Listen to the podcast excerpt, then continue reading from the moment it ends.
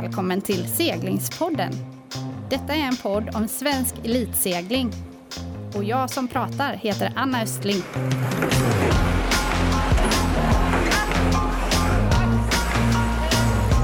Seglingspodden presenteras i samarbete med Helly Hansen, Båtmässan Göteborg, Pilot Pen och Brant Båt. Detta avsnittet riktar sig till dig som vill segla tillsammans med någon i en tvåmansjolle. För en del känns det ganska svårt att veta vem man ska segla med, hur man hittar någon som vill samma sak och många team hoppar glatt peppade ihop i en båt och skiljs sedan åt när de möter motgångar och meningsskiljaktigheter. En som har tänkt mycket på detta genom både sina egna erfarenheter och numera också som pappa till seglande ungdomar är våran olympier från 1996 i 470 Marcus Westerlind. Varmt välkommen till seglingspodden Mackan! Tack så mycket! Kul att ha dig här Mackan! Ja, jättekul att vara här. Det är inte ofta man får chansen till sådana här trevliga inbjudningar. Nej men du, vi stod ju eh, faktiskt, eh, kan vi avslöja, i baren eh, på Marstrands havshotell och kuckelurade ihop det här. Eh, under seglingens mästare så föddes idén om att vi gör ett eh, poddavsnitt på ämnet. Eh, vi kommer snacka mycket om hur, ah, hur det är att segla två personer i en båt, vad man ska tänka på och sådär. Men bara liksom när vi bara säger att vi var på seglingens mästare, vi måste bara börja där. Jag det... befarade att det skulle komma upp. ja men det är ju så, det är nästan skrattretande eh, hur grym du är när du eh, hoppar i en båt med ett gäng gamla rävar och bara slår ut alla OS-seglare och alla som seglar hela tiden. Kan du ge oss något tips? Ja, men jag har funderat lite grann på det själv faktiskt. Eh, jag vet ju lite grann vad som är mina styrkor och sådär. Eh, men jag tror att under den tiden jag satsade mot OS, det är 470 då, nu är det ju länge sedan, det var mitten på 90-talet. Eh, men så otroligt många timmar och så många erfarenheter som man har fått från den tiden. Det sitter liksom kvar någonstans. Visst, man är lite ringrostig, men det känns som att mycket av det, de grundläggande grejerna har man med sig och sen har det ju varit såklart en förutsättning att jag haft med mig riktigt bra folk ombord. Eh, för det är ju A och O. Så fort man är med en i båten så måste du ha folk som kan sin grej liksom. Ja, och det har ju varit lite tydligt under alla de här tävlingarna såklart att eh, det är inte eran båt och eran besättning som broachar runt oftast. Så att det sitter, men jag är ändå fascinerad över någon typ av eh, ja, extra dimension som finns som gör att det har gått så bra så många Men, gånger. Jag tror att eh, nu är Oskar Ljung, han har ju varit med de flesta gånger, han är ju helt magisk på, på trimmet. Och min styrka har väl alltid varit att jag har varit duktig på att styra båtar så att det gått fort liksom. Eh, och sen har jag alltid varit ganska duktig på att starta och jag tror att kan du starta och segla båten fort och sen försöka minimera antalet större misstag, eh, hamna in i incidenter och sådär.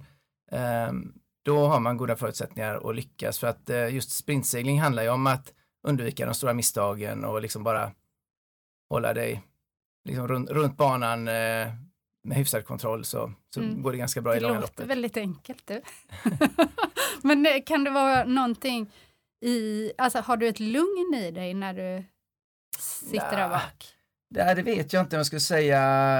Jag är ganska lugn, alltså jag gapar inte och skriker och det är aldrig någonsin något gap på besättningen. Eh, det tror jag aldrig har hänt. Eh, man kan väl bli arg på, på folk runt omkring kanske ibland, men eh, Nej men jag har väldigt stor tillit till eh, de andra ombord så att jag fokuserar på mitt och gör så gott jag kan och så länge mm. alla andra gör sitt bästa också så ja, men då kan man känna sig ganska lugn eh, mm. tror jag. Då brukar det bli bra. Sen kan man göra som vi gjorde i finalen. Eh, ja, då, den var inte optimal i år kanske. Nej, det var det inte riktigt jag kan säga att jag låg sömnlös hela natten och eh, när jag tittar på reprisen och så vidare men eh, det var riktigt dåligt. Det, det var dålig kommunikation innan starten, vi missade tiden kan man säga vilket gjorde att vi hamnade i alla möjliga problem. Det var men... lite schysst mot Marius också, han hade babord och jag vill inte sätta honom där så att eh, då Skulle du göra det... samma sak igen? Antagligen. Du, Men vi hade inte pappa. koll på tiden och det hade jag nog inte, det misstaget hade jag inte låtit hända en gång till faktiskt. Nej. Nej. Och någonstans är det ju så här, det är en erfarenhetssport och eh, det är klart att liksom med rutin och har man, ja, man har varit i det under väldigt många år, man kanske får lite distans till hur viktigt det är också som kanske gör att det är lättare att prestera när det faktiskt är viktigt, så man inte knyter sig. Eller liksom, hur, hur tänker du kring det, liksom en viktig tävling? Har det ändrats Ja. med åldern? Alltså, ja, kanske lite grann. Jag vet att eh, förra året när vi vann, eh, eller ja, nu blir det ju två, år, 20, 2021 när vi vann Mästarnas Mästare, då vet jag att vår, vår plan var liksom komma iväg säkert och eh, liksom inte göra misstag, för folk kommer göra misstag även i finalen, kanske i synnerhet i finalen, för alla är Mm. lite extra spända och sådär. I år av någon märklig anledning så tänkte vi lite tvärtom, vi tänkte att jädrar, nu, Nu är det, nu, är, nu gäller Ja. det liksom chansa död. lite i starten. ehm, men det var väldigt synd för att vi hade dessutom fått den båten som vi tyckte hade, vi hade gått allra snabbast med. Så vi visste att vi kommer ha grym fart och det Mm. hade vi också men vi hamnade ju liksom hopplöst efter från början. Så, jag var det att, lite hybris där då, att man ville liksom Nej, jag tror bara det var lite nervositet och spänning som gjorde att man, man Ja. kunde inte riktigt tänka kanske helt eh, klart på Nej. vad som hade varit det bästa för att det, du måste inte liksom ta risker redan i starten för att vinna ett finalrace eh, ens på Mästarnas Mästare utan kan du komma iväg hyfsat bra och sen inte göra misstag då, då kommer det kunna Mm. räcka långt. Mm. Ja, bra erfarenheter. Jag antar att du tar dem med dig till framtida år, för förmodligen har du inte varit där för sista gången, eller? Nej, men det gäller ju att hitta någon klass man kan vinna SM i också. Ja, det är den detaljen. Ja. Vilken Ja. klass blir det 2023 tror du? Då? Ja, jag vet inte, men sprint-SM det är ju lite av en högodds så att man ska ta det för tredje året i följd. För en tuffare SM-tävling tror jag knappt eh, det finns, men kanske får låna någon triss eller något annat, jag vet inte. Säg inte det, den kanske är Ja, den kanske är tuffare. megasvår. Ja, Ja, jag vet inte. Men eh, klasser finns det ju gott om i seglingen Mm. och du är allround så att eh, jag tror på dig. Ja, tack.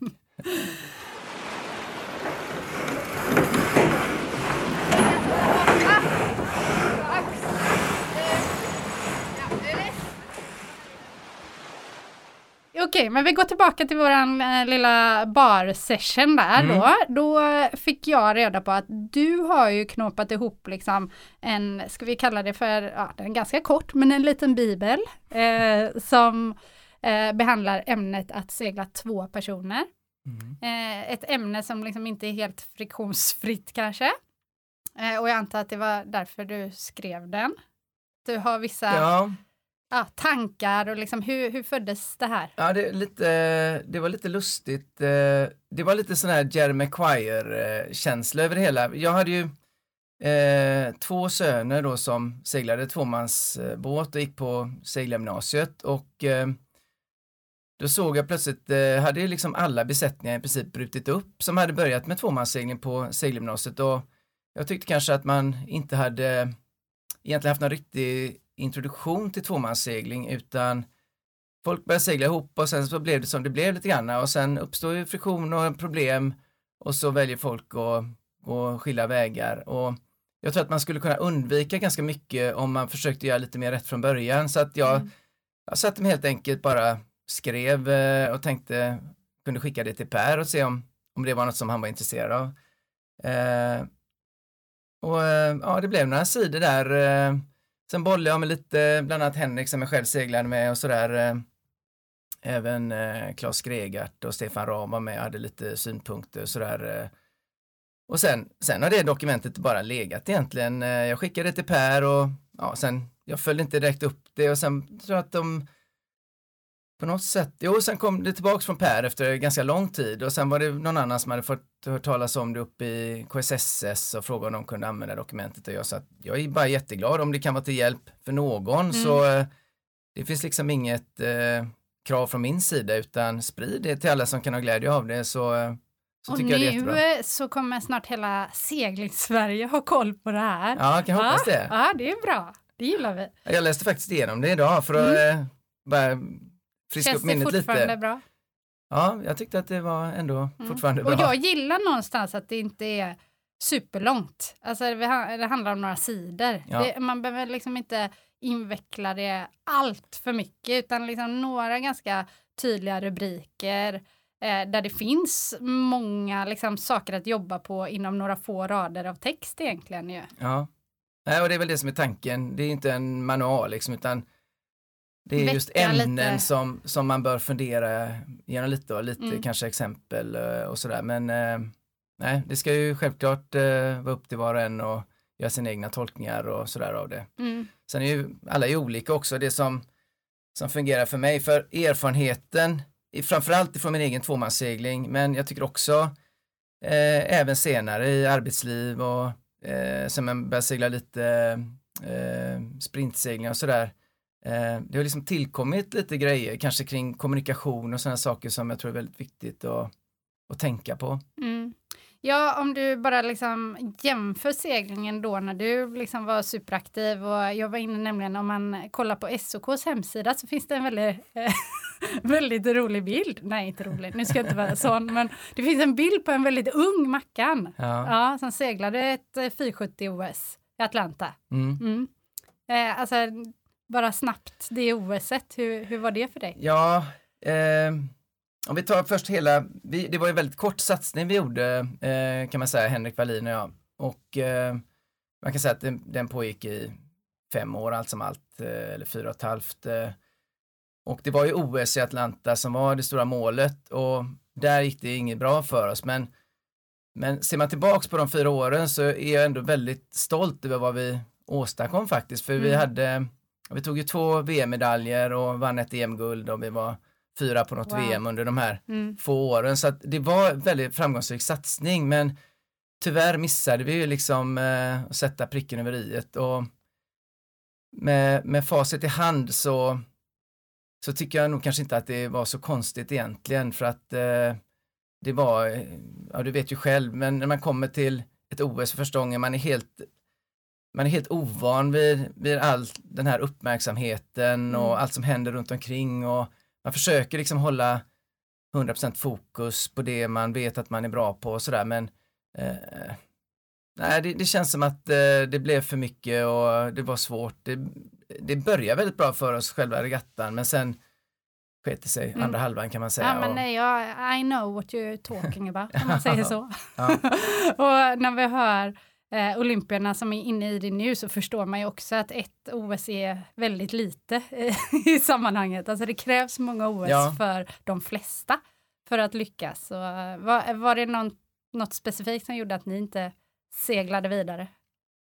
Eh, ja, vi seglade ju faktiskt VM året efter och då blev vi trea det var liksom lite skön revansch. Ja. Eh, men eh, nej, sen var det nog mer att ett vägval i livet kan man Mm. säga. Eh, det hade varit jättekul att, att fortsätta segla men samtidigt eh, det var inte lätt att leva på segling. Vi hade ju jobbat jäkligt hårt med sponsorer och sånt där och vi hade ju som maxat våra studielån och allting under tiden. Eh, och det kändes som att eh, det var ett högt pris för Mm. någonting som kanske aldrig skulle gå i uppfyllelse Mm. ändå. Va? Så att jag måste säga att jag beundrar ju alla som, som gör den satsningen och är beredda att offra så mycket. Jag var lite feg där kan Mm. man säga. Och våran största sponsor erbjöd både mig och Henrik jobb inom precis det vi ville jobba med Mm. kan man säga. Så att det var ju väldigt svårt att tacka nej till den Mm. möjligheten där. Hade inte de gjort det så vet man inte Nej, det var en dum sponsor, vill jag bara säga. Nej, men så helt eh, klart är det ju att det, det är en uppoffring och så är det ju även idag för de som seglar att det är inte fett liksom. Men ehm, Nej, absolut inte. Och nu Mm. känns det ju som att det kanske är svårare också att kombinera med studier och sånt där parallellt. eh. Jag tror i och för sig att eh, det gör inte så mycket om du drar ut på det många år liksom. Eh, Mm.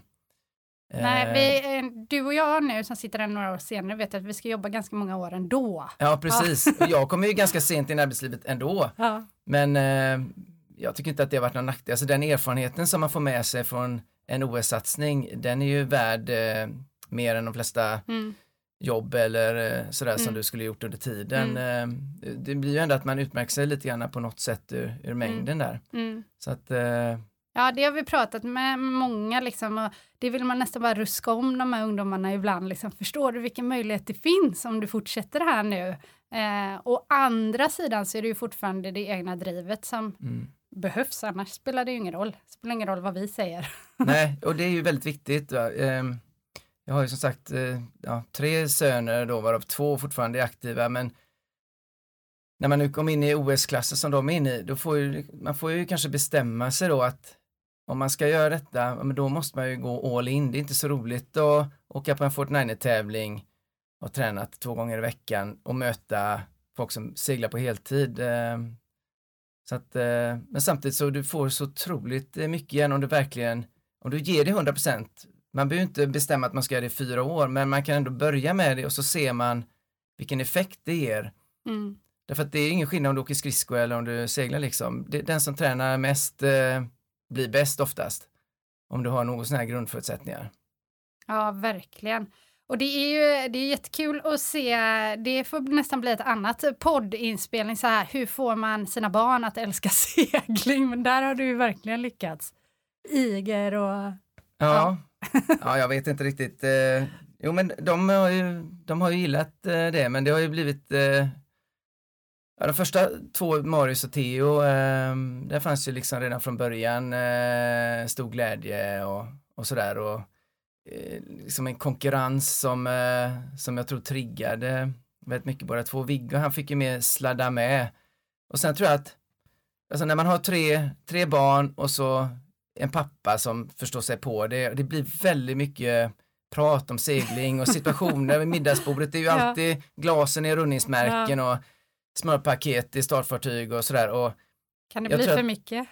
nej, men jag tror att eh, folk undrar hur kunde det komma sig att, att alla tre blev så bra, men det är nästan, hade varit svårt Oh. nästan att undvika att bli bra i den, i den miljön. Alltså de får ju, jämfört med när jag själv började, jag hade ju liksom, mina föräldrar var, hade ju noll koll på segling, jag hade suttit i en båt, så att där hade man inget det, utan allting eh, fick man läsa. Det tog ju såklart längre tid, men jag tror när man väl, när väl poletten f- föll på plats, ja men då, eh, då verkligen hade man lärt sig det på Mm. riktigt liksom.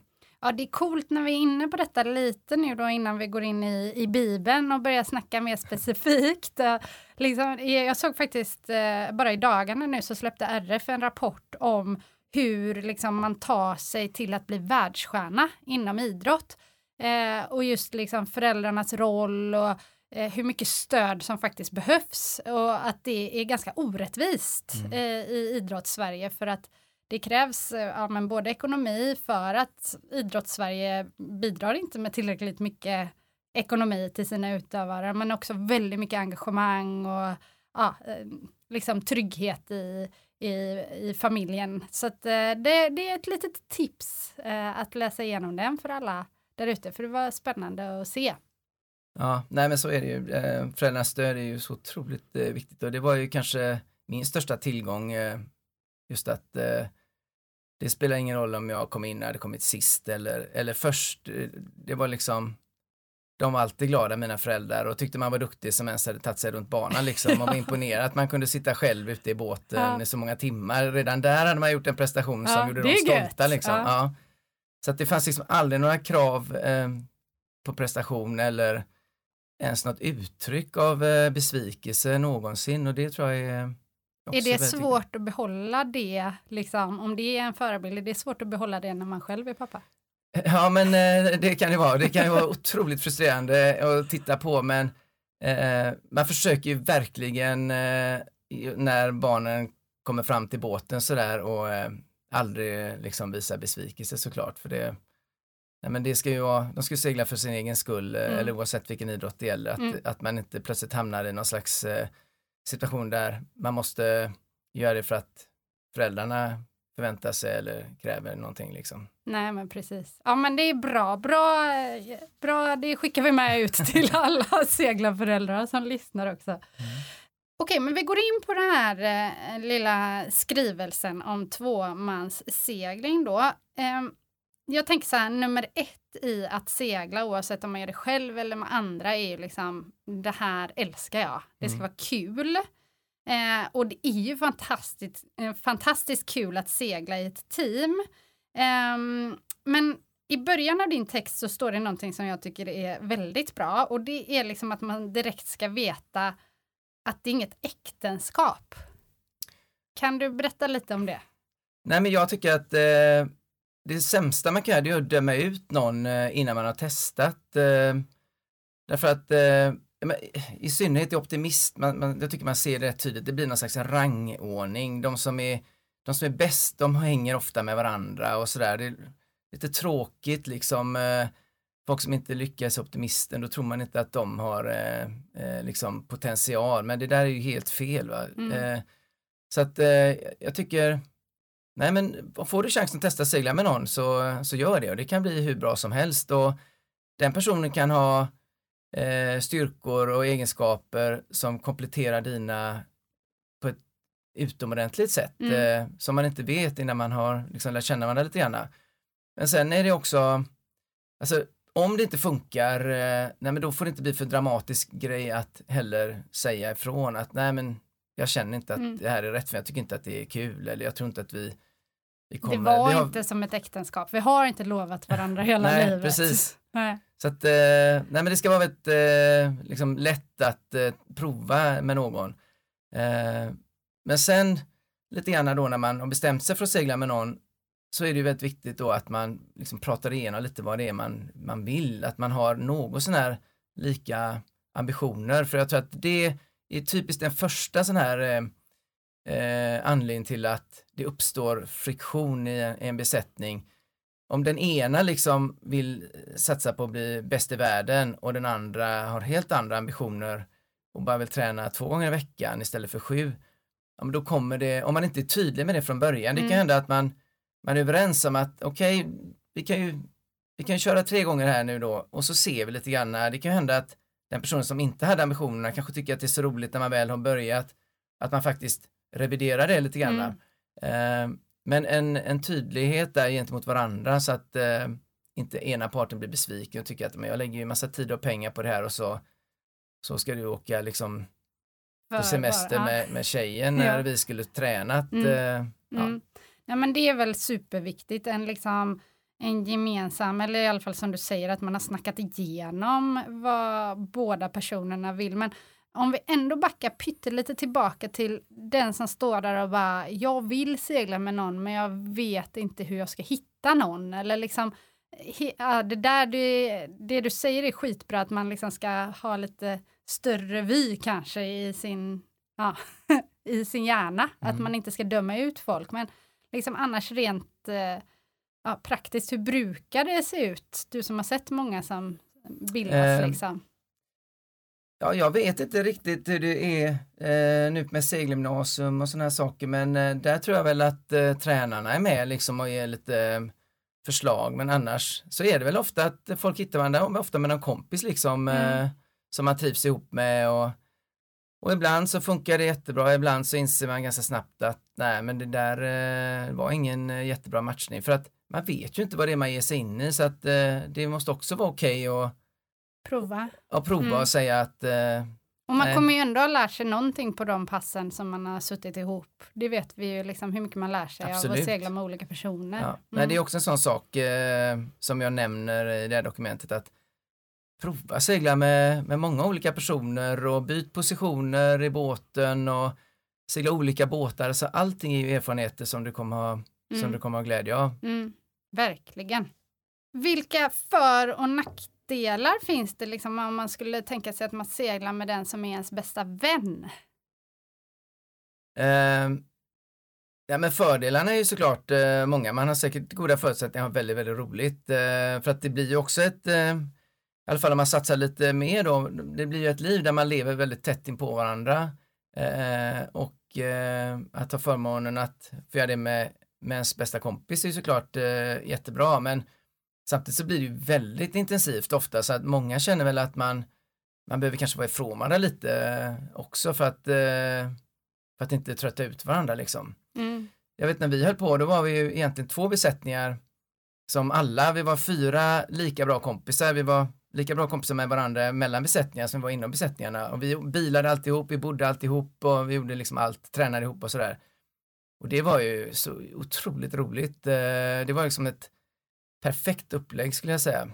Så att när man, när man tänker tillbaks på de, de åren och det så är det ju så otroligt mycket eh, härliga minnen liksom eh, just i den här gruppen och med med tränaren och allt. Det var Björn Johansson på den tiden som nästan alltid var med. Och det... På den tiden också. Ja, precis. Han var ju med även när Marius gick på segelgymnasiet som hans tränare så att äh, det, det är ett äh, imponerande spann. ja, verkligen.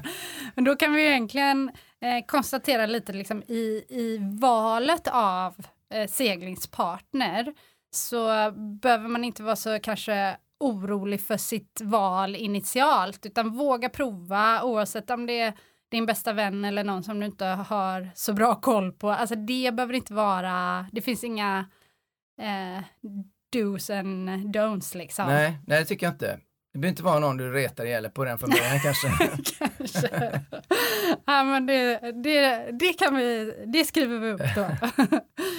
um, Okej, okay, men ambitioner och mål var vi inne på lite. Um, det kan ju vara så att när man är rätt ung så vet man inte riktigt vad man vill. Uh, och det måste ju ändå vara fine att vara lite luddig när man är ung eller att få segla för att man tycker att det är kul. Absolut.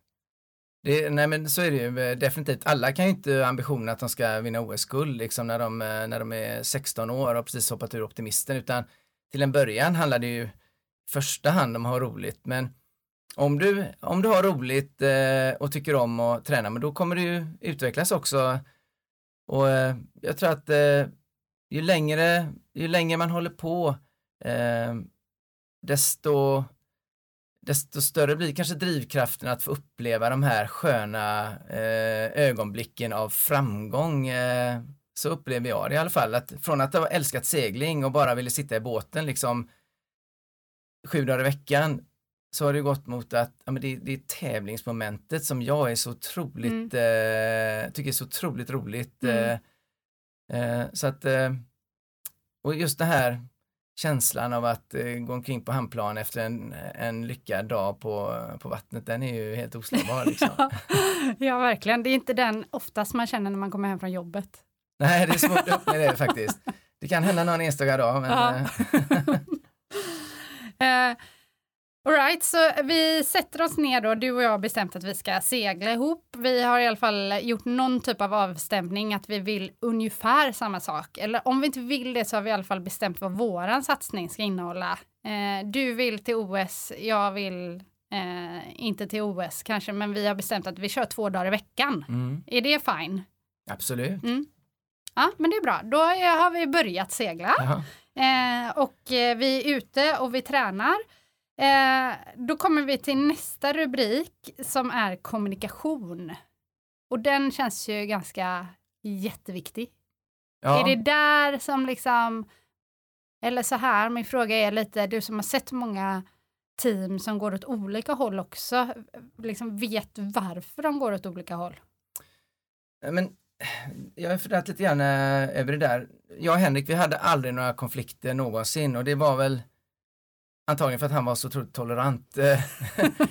Men han, han köpte liksom eh, mig för den jag var. Och, eh, Fint äktenskap ändå. Ja, ja, han och Camilla, min fru, det är de två personerna som, som eh, lyckas stå ut med mig. men, eh, jag tror att eh, det, det, är så otroligt viktigt att tänka på det, hur man uttrycker sig och sådär för att eh, och det, det, har varit, det var, det var nästan eh, en av mina viktigaste saker när jag skrev detta som jag tänkte på, just som var, jag hade, jag hade tittat på, eh, eh på Marius och de när de seglade att eh, det kunde, när det uppstår negativa situationer under ett race så smittar det av sig så otroligt mycket. Och istället om man tänker sig att man bemästrar, precis som alla andra saker man ska klara av inom segling, men om du är en besättning lyckas boosta varandra och lyfta din, eh, din partner när han eller hon gör något bra. Eh, för att liksom stärka självförtroendet, det är ju en otrolig, eh, eh liksom, Vinst, det är ett vinnarkoncept ja. mm. om du kan klara det och det gäller ju oavsett vilken nivå du är på, även om du, eh, om du, om du satsar på att ta en OS-medalj så kan du, kan du lyckas med det och det är ju en träningssak precis som allt annat liksom. Mm. Att lära dig, ta liksom tillfället när det är rätt och beröm och spara liksom in det negativa till ni har gått i mål och man kan liksom analysera lite varför gick någonting snett, vad var det som hände, hur gör man för att undvika att det ska ska ske igen. Men att man i alla lägen tänker att det är båten som ska liksom i mål så fort som möjligt och det är helt ovidkommande om det är du som gjort fel eller jag som gjort fel. Vi är ett team, det finns inte liksom mina och dina misstag där utan det, vi ska bara se till att var en gör det bästa hela tiden. Eh, och det, det är så lätt att liksom eh, vräka ur sig dumma grejer eh, och då är det bättre att skrika på någon konkurrent eller en domare eller vad som helst. Det är därför du liksom. skriker på konkurrenterna. ja, precis. ja, nej men det är så sant och liksom det här eh, som du har skrivit om att verkligen liksom eh, besinna sig och inte i affekt använda ord som kan såra eller liksom stöka till i en satsning. För många gånger så kanske man i efterhand känner att det där var rätt onödigt eh, och kanske ångrar sig. Då är det bättre om man kan träna på att vara tyst. Ja, precis. eh, nej, och det, det, det, är klart att folk har ju olika eh, kort stubin liksom. Mm. Vissa exploderar, men eh, det är också menar, ju bättre man känner varandra, eh, desto enklare blir det att hantera det också, liksom, att man vet att men, det var inte riktat mot mig. Och man kan faktiskt också mm. låta det rinna av en. Eh, men det är ju såklart viktigt att, att, prata om det med, att man, om man har fått ett sånt utbrott, att man är väldigt tydlig med det när man har lugnat ner sig och sagt att jag, jag är ledsen, mm. jag, men jag kan inte ibland hålla tillbaks när det, jag är så stressad och mm. liksom, anspänningsnivån är så hög så att eh, ibland får du det är mer du, mitt fel än ditt liksom. Ja, ja. precis. Eh, och det här också... med kommunikationen också eh, känns ju också som att det är lika mycket kommunikationen i båten såklart, att peppa varandra, eh, men också att snacka om kommunikationen på land, alltså Exakt. prata om kommunikationen. Ja. Så att man är medveten om att okej, okay, det här kanske är min eh, mindre starka sida, men jag jobbar på det. Precis. Mm. Nej, det, det, måste vara liksom full öppenhet. Mm. Eh, och att man, man måste ju, som, så är det ju inte bara i en segelbåt, utan i alla sammanhang när man jobbar i någon slags eh, team så måste du kunna visa sårbarhet och sådär också. För att eh, det bygger liksom ändå ett förtroende och en genuinitet eh, i vem du är. Alla har ju sina brister och sådär och det är ingen idé att liksom sopa det under mattan. Ska du, bli, ska du satsa på att bli bäst i världen, ja men då har du inte då finns det ingen prestige i, i sådana saker utan då ska du göra allt eh, du kan liksom för att det ska funka så bra som möjligt i slutändan. Och liksom kommunikationen då, om, om vi nu då har bestämt att vi ska segla ihop, hur tycker du att vi ska göra liksom den resan?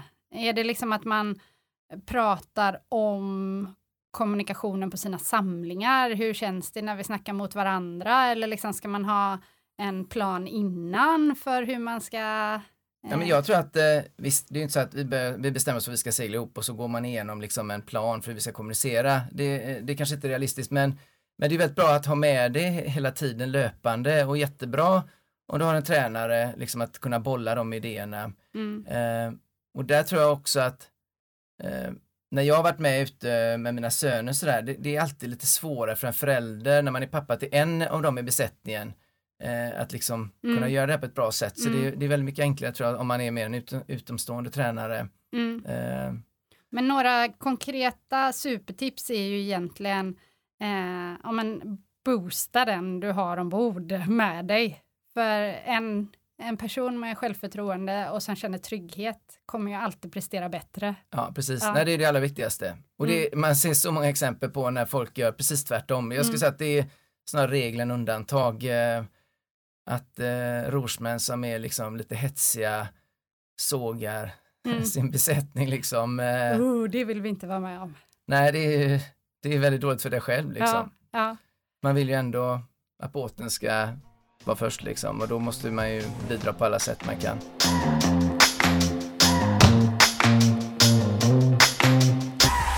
Och apropå fokus på att skriva ner bra lärdomar och kunna ge texter vidare Kanske är du som mig och älskar att skriva med en riktig penna och inte alltid på tangentbordet. Jag har otaliga anteckningsböcker med bra saker från träningar och olika tävlingar och jag gillar att skriva med olika färger. Så därför är det jättebra att jag har fått testa massa nya grymma pennor från Pilot Pen. Pilot Pen är som ni vet en partner till podden och det är mycket tack vare dem som vi kan fortsätta spela in spännande avsnitt så att personer som Mackan kan få dela med sig av sina erfarenheter. Vill du också skriva upp dina lärdomar med hjälp av riktigt bra pennor och pennor som är gjorda av återvunnen plast från havet så kan du vinna en hel uppsättning med olika varianter från Pilot Pen nu. Om du delar Seglingspoddens inlägg med dagens avsnitt, då är du med i utlottningen. Vinnaren utses i nästa avsnitt.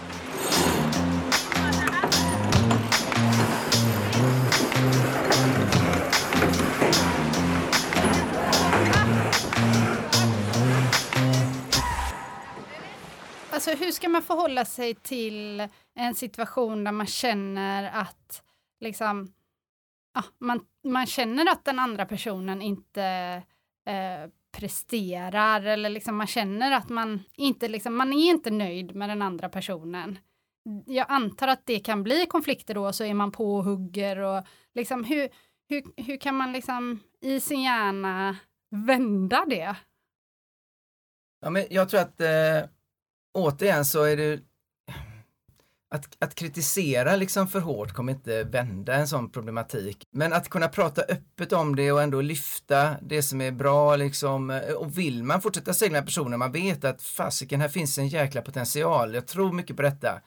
Då ska man såklart göra allt man kan för att få den, den andra att känna att, ja men fasiken, eh, det finns någon nivå till inom den personen kanske man känner. Och så liksom, ja, det... ofta är det ju så ja. faktiskt att eh, man vet att här, det finns så mycket mer men det kommer liksom inte ut eh, och försöka hitta det. Och, jag vet inte men där är man ju, man får ju lite, agera lite coach åt varandra där också mm. i, en, i en besättning. Eh, att man försöker, eh, men återigen det handlar ju om det här att, att försöka boosta den andra och mm eh, få den personen att känna sig bra liksom mm. och att de tillför mycket till, eh, till besättningen. Mm.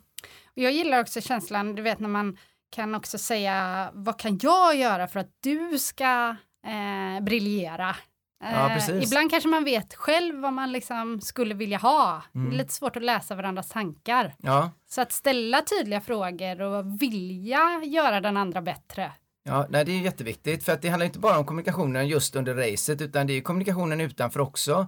Och det här att kunna att, att träna på att våga vara tydlig, att, att säga obekväma saker som inte, det ska inte bli personangrepp, men det måste ändå komma fram och om det Alltså det sämsta är ju när, när saker börjar gro liksom mm. eh, under ytan till någonting som kanske inte var så stort från början och man börjar reta upp sig mer och mm. mer och varje gång det händer så blir mm. man ännu mer förbannad. Ja. Och den andra personen kanske inte har någon aning om eh, varf, varför är du så jävla sur ja. liksom. Eh. Jag ser kanske inte ens problemet som ett problem. Nej, Nej. så kan det vara. Mm. Jag och, pratade lite med eh, Ida Svensson om detta, liksom just att det är ju få man kommer så nära som de som man faktiskt seglar med. Alltså det är få andra vänner som man har varit så nära och det bygger nog mycket på att om man på riktigt tar sitt team på största allvar och ställer de här frågorna, vad kan jag göra för att få dig att briljera? Eh, då kommer man nära varandra. Det är inte så ofta man säger det till sina bästa vänner. Nej. Man kanske ska göra det. Ja, kanske det. Ja, men det är mycket man skulle göra som, eh, som man ja. inte gör, som att man är lite bekväm och eh, sådär liksom. Men, mm. Ja, men det finns i alla fall inga genvägar i det här jobbet att bygga ett lag och någonstans så varför jag tycker det är så superkul att få prata med dig om detta idag är ju för att det känns som att lite för ofta så är det slumpen som avgör för team hur det blev. Alltså ja. man sätter ihop sig, man, som du sa i början här, man går ut och kör och allt är toppen tills det kommer motgångar och så tar man inte riktigt hand om de motgångarna och så blir det en snöbollseffekt och sen säger man bara skitsamma och så ja. går man åt olika håll. Nej, men det, jag kan bara titta på när jag och Henrik började segla, för då hade jag seglat 470 ett tag eh, med en, eh, en, en, gast som var, han var duktig, men det var liksom, vi hade båda väldigt låg ambitionsnivå. Fast hans var men, ännu lägre än min. Eh, och då, eh, jag och Henrik, vi hade gjort lumpen ihop och lärt känna varandra, så han var väldigt, väldigt duktig e-olseglare. Och så frågade han om om inte jag ville börja segla med honom, att han skulle vara gast då. Jag hade alltid bara förutsatt att han ville vara rorsman själv. Eh, så sa vi kan väl testa det, men då var han väldigt tydlig, men han hade en bakgrund som hockeyspelare, där var ju liksom träning och sånt där var ju på en helt annan nivå än, eh, än, än det jag hade varit med om.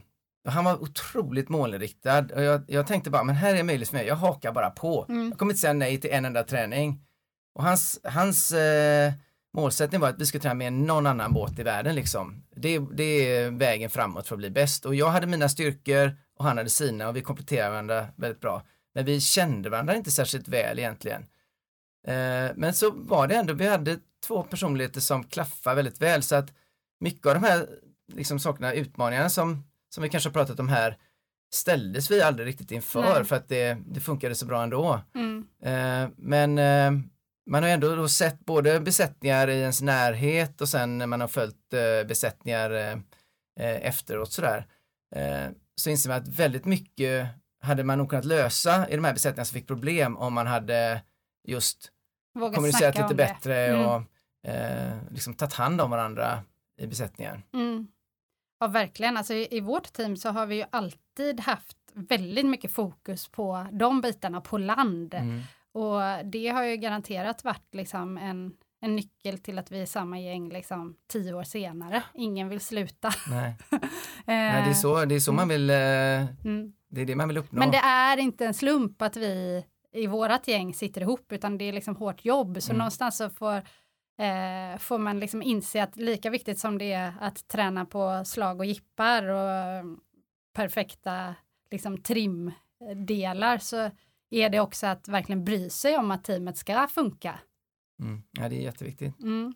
Du, om vi går vidare här då sen så har du eh, en del som också skulle kunna bli issue eh, och det handlar ju om liksom uppdelning av uppgifter. Mm. Eh, "Ja, jag får göra allt, han gör ingenting eller hon lagar aldrig mat. Och Ja. det, det finns ju liksom saker som inte kanske har med seglingen att göra som eh, kan eh, ja, störa liksom teamet. Hur Jo. tänker du kring uppdelning av uppgifter? Eh, ja, jag har inte berört det kanske så mycket här, men det är ju en, viktig sak. Eh, men återigen där så, eh, det är klart att eh, man ska försöka fördela upp det så mycket som möjligt utifrån att var och en gör det som de är bra på. För det man är bra på det är kul och det som är kul det blir man bättre på. Ja. Och så, eh, så att man ska ju hellre jobba på sina styrkor än sina svagheter är ju min eh, Mm. eh, övertygelse. Men sen finns det ju någon slags miniminivå också. Bara för att du tycker det är tråkigt att lasta båten så kan du inte gå eh, och dricka kaffe varje gång det ska lastas. Så Det måste man ju göra Ja. och även om man inte är lika effektiv som andra så får man ändå, man får ändå vara där och man får göra sitt bästa liksom och eh, liksom, det, så är det ju bara. Mm. Ja, men jag gillar också typ den här, ibland så kan man säga, men, ja, men jag är, eh, jag är oftast sen, säger vi. Nej, men är du en sen människa? Nej, du gör saker som gör att du kommer sent. Du Mm. kan ju ändra vad du gör så Mm. att du faktiskt kommer i tid. Alltså ibland får man ju bara kanske skärpa till sig på vissa delar i ett teamarbete också. Absolut, jo, Mm. så är det självklart att det måste vara. Mm. Någon slags minimikrav Ja. måste man ändå kunna ställa. Ja, det kanske också kan vara bra att snacka om det innan, för där kan man ju ha extremt skilda åsikter om vad som är minimikravet. Ja, nej, nej, men det handlar ju om liksom att eh, du måste ju ändå ha respekt för de eh, personer runt omkring dig som du, som du ska prestera ihop med och det är kanske inte speciellt eh, respektfullt att låta fyra personer stå och vänta på att du är en kvart sen liksom. Så att, eh, nej men det är ju ganska självklara grejer egentligen. Mm. Att det, det blir lätt att, ja nu är hon sen igen, eh, liksom vi får sätta igång men man måste nog sätta ner foten ganska tidigt där så att inte det, ja men så har det alltid varit, det har varit okej liksom, vad har Mm. hänt nu? Utan eh, det är ganska enkelt. Ja. Eh, nästa steg i Bibeln handlar lite om eh, rutiner inför start. Och nu kommer vi ju med lite liksom, på segling specifikt och dina eh, kunskaper inom seglingen som eh, du för vidare genom detta såklart. Är det någonting som du har tänkt kopplat till liksom, ja, tvåmanssegling eller är det mer generellt? Nej men det är nog generellt, eh, det, det är faktiskt, eh, ja när vi höll på då, då hade vi ju bröderna Sundelin som var förbundskaptener. Och de var, eh, nej men jag tyckte att de hade en, en bra tanke där för att folk i landslaget då var ju väldigt olika. Vissa bara körde på känsla liksom, eh, man behövde ingen kompass och man behövde inte vara ute på, på starten eh, eh, mer än tio minuter innan och sådär. Eh, men de införde mer eller mindre ett krav på att ja, men, eh, viss, eh, vissa rutiner måste man ha. Skriva upp liksom eh, kompasskursen från kryssmärket till första slörmärket. För en gång så kommer den där dagen där det är dimma och vinden har vridit eh, 30 grader liksom. Eh, och vet du exakt vad märket är så kommer du tjäna helt mycket i det racet jämfört med alla de andra. Och då snackar vi inte sprintsegling när man har Nej, bojen. Nej, precis, inte sprintsegling och inte kryssläns bara. Eh, Back men, in the days när ni körde sjukt ja, långa banor. Ja, precis. Nej, men det var, eh, jag tyckte att det var, men det, det var lite seglarskola när de mm. gick igenom detta. Eh, man tyckte, alla tyckte de var duktiga. Folk hade ju liksom VM-medaljer och allt möjligt mm. och gjort på sitt sätt. Men vissa hade ju såklart eh, rutiner, men eh, jag tyckte vi hade otrolig glädje av det. För att eh, du liksom, du sållar bort en massa eh, onödiga osäkerhetsfaktorer och kan fokusera liksom eh, mer på det, eh, det andra. Mm. Så att, eh, det blir en väldigt tydlig gemensam grej i ett team också att liksom ha satt ner att det här är våran rutin. Oavsett hur den ser ut så är det ändå våran rutin och då vet båda två att det här gäller. Ja, och, och alltså det här är, det kan ju tyckas väldigt basic men eh, när jag tittar på mina egna söner och deras rutiner när de ska segla, om det nu är 29 eller 49, de är ju mer eller mindre obefintliga. Passa dig nu. Nej men åh, vet du vara ute 40 minuter innan start, det räcker ju en kvart innan. Mm. Jo men eh, är du där ännu tidigare så kommer du ha mer information med dig när starten går som du kommer ha glädje av liksom. Du får gå upp lite tidigare, det är skönt att höra ändå att eh, ja, men de går igenom sin egen resa och man behöver fatta det här själv ändå. Ja, men jag tror det. Jag, ja. jag är inte ens säker på att de har läst det här, jag nej. helt ärlig. Nej, jag kan mejla dem sen. ja, får det. uh, nej, men det, det, finns väldigt många bra grejer med att liksom, uh, egentligen oavsett om man använder ditt uh, kompendie eller om man skriver sitt eget, att man bara eh, gör läxan liksom och gör jobbet innan man, eh, ja, innan man eh, seglar i massa, massa år tillsammans. Det är klart att man ska våga gå ut och prova utan att ha pratat igenom varenda lilla detalj. Ja, ja, Men eh, bra grund. Men sen eh, något som du inte tog upp, eller du var inne på lite grann det här med rollfördelning och sådär. Men det tror jag också är en väldigt viktig grej, alltså rollfördelning på vattnet. Eh, Eh, att, att man är helt prestigelös liksom. Mm. Det, det, är inte, det spelar ingen roll eh, vem som håller rodret eller vem som eh, fattar besluten på kryssen eller på länsen eller vad det än är utan där ska man ju verkligen se till att identifiera vem som är bra på vad i besättningen och så låta den personen få ansvaret för det. Mm. Och det viktigaste är ju att det är tydligt vem som bär ansvaret mm. och att den personen får 100% backning ifrån den andra. För att om det är lite tjafs liksom, ja, jag tycker vi ska stå nu, nej fasen vi kör, vi kör på 100 meter till här, mm. vi, vi avvaktar lite grann. Blir det veligt? Ja och så till ja. slut så slår man och så blev det fel och så blir mm. det liksom, jag skulle gjort som jag sa, men mm. om man istället, istället är tydligt att om jag bestämmer när vi slår, jag tar emot all input hela tiden från, från dig men när jag säger att vi ska slå så slår vi. Sen om det är gasten som säger det Rorsman spelar ingen roll. Eh, men det tror jag är väldigt eh, nyttigt och det så tror jag att de flesta framgångsrika besättningar har redan insett det, men det är inte så säkert att de som börjar eh, inser det, utan många som kommer från enmansbåten tror att det är Rorsman som liksom eh, ska fatta en massa beslut som, som kanske bättre hade kunnat fattas av mm. eh, gasten. För när jag började segla med Henrik, eh, det var så jävla skönt för att jag, jag visste och han visste att jag är jävligt snabb på att styra båten på kryssen. Och jag visste att han var jäkligt duktig på fatta rätt beslut när vi skulle slå. Jag ansåg inte att jag var dålig på det. Jag tyckte inte att det var en svaghet, men han var minst lika bra som jag. Så jag behövde aldrig, jag funderade aldrig på det ens. Jag bara slog när han sa att vi skulle slå. Och sen, ibland tänkte jag att nej, för jag hade nog kört vidare, men jag lät ändå honom bestämma och ingen har rätt 100% av gångerna liksom. Och nej, man måste förstå det, det att det går inte, ja. det finns ingen seglare i världen som kan träffa rätt 100% av gångerna. Nej. Så har man tagit ett beslut, liksom, det viktiga är att man går på beslutet och sen Precis. i sådana fall får fundera på varför var det fel, om ja. det nu var fel. Och gärna då när man har kommit i mål. Liksom, och inte i eh, affekt. Nej, precis. Nej, och det, eh, Fredrik Bergström beskrev ju det jättebra i sin podd, att när han har målat liksom, bilden av banan tillräckligt tydligt eh, inför ett beslut om eh, varför de ska slå, då kommer det aldrig som någon överraskning att det kommer ett slag där heller. Så där hamnar vi också lite i kommunikation. Står mm. du helt tyst i båten och sen skriker du bara slå, då kan det ju kännas lite abrupt kanske ja. för den som styr. Ja. Så det kan ju vara så att man eh, tjänar väldigt mycket på att måla bilden. Eh, det ser ut så här, jag tycker så här, vi går lite till. Alltså man hela tiden vågar ja, prata, även fast det egentligen är det kanske inte är rätt det man säger, men jag tror att det kan vara en bra grej att börja med tidigt. Mm. Att våga prata. Nej, men det tror jag. Och, eh, nej, men det är min absoluta övertygelse om att det måste ju vara en ständig kommunikation liksom och det, det tror jag väl det är för de flesta. Eh, Eh, faktiskt, eller i alla fall i alla konstellationer som jag har seglat så har det ju alltid varit mycket kommunikation mm. eh, inom besättningen. Eh, har du hört vår båt någon gång på sprintbanan? Nej. Nej, det var ju bra. Vi brukar oftast behöva dra ner på kommunikationen ja. internt. Ja.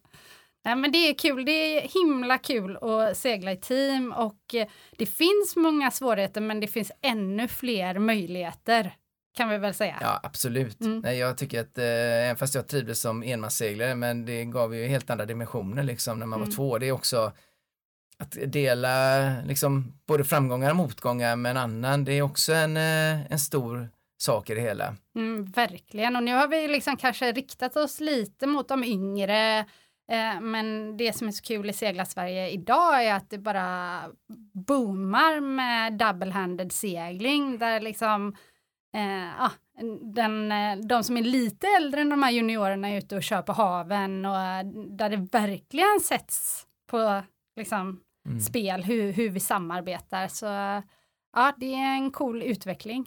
Ja, verkligen. Har du kört någonting? Inte mycket. Nej, du håller dig helst ja. runt bojarna ja, inne precis. vid Marstrand. Du har hittat din plats. Jag seglat till Skagen en gång ja. eh, med några kompisar. Det är min enda långsegling faktiskt. Men du vet, segling är en lifetime sport. Ja, så att eh, det är inte för sent. Nej, absolut inte. Nej, nej, nej. jag ska åtminstone över Atlanten eh, innan jag dör, det kan mm. jag lova. Mm, det är bra. Försök få med sönerna på det. Ja. Någon gång. Säg till när ni gör den grejen så kan vi sätta sån live-mickar på er. Jag tror att det hade varit väldigt kul att följa. ja, jag vet inte. Kanske roligt. Ja.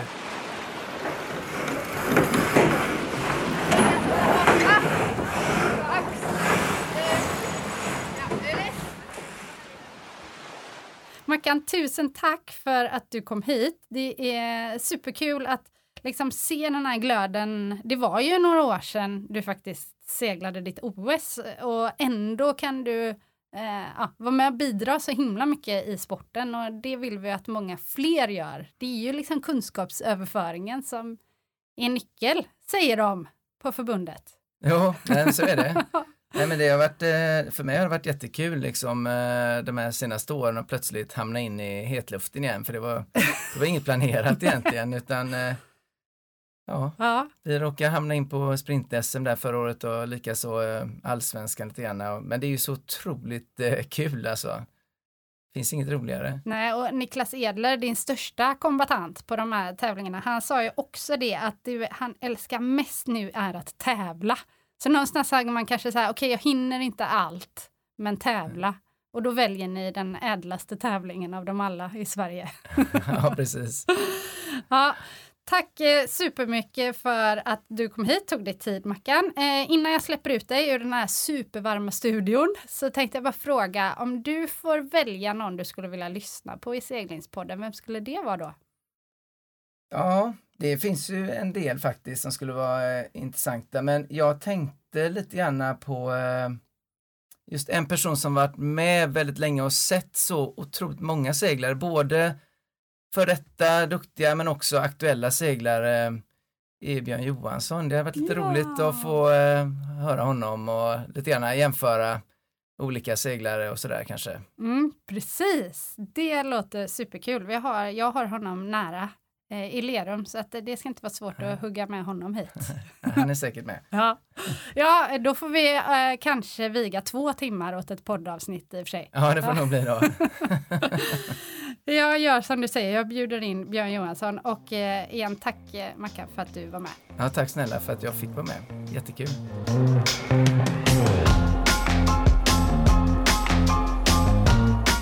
Ja, detta är verkligen ett ämne som man inte kan snacka för mycket om. Att göra grundjobbet på land är avgörande för att man tillsammans ska bli långvariga ute på vattnet som team.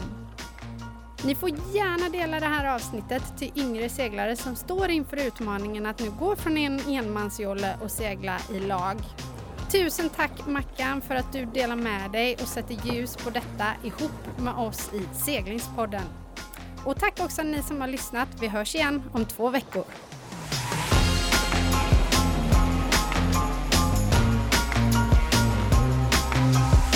En poddproduktion av Fredag.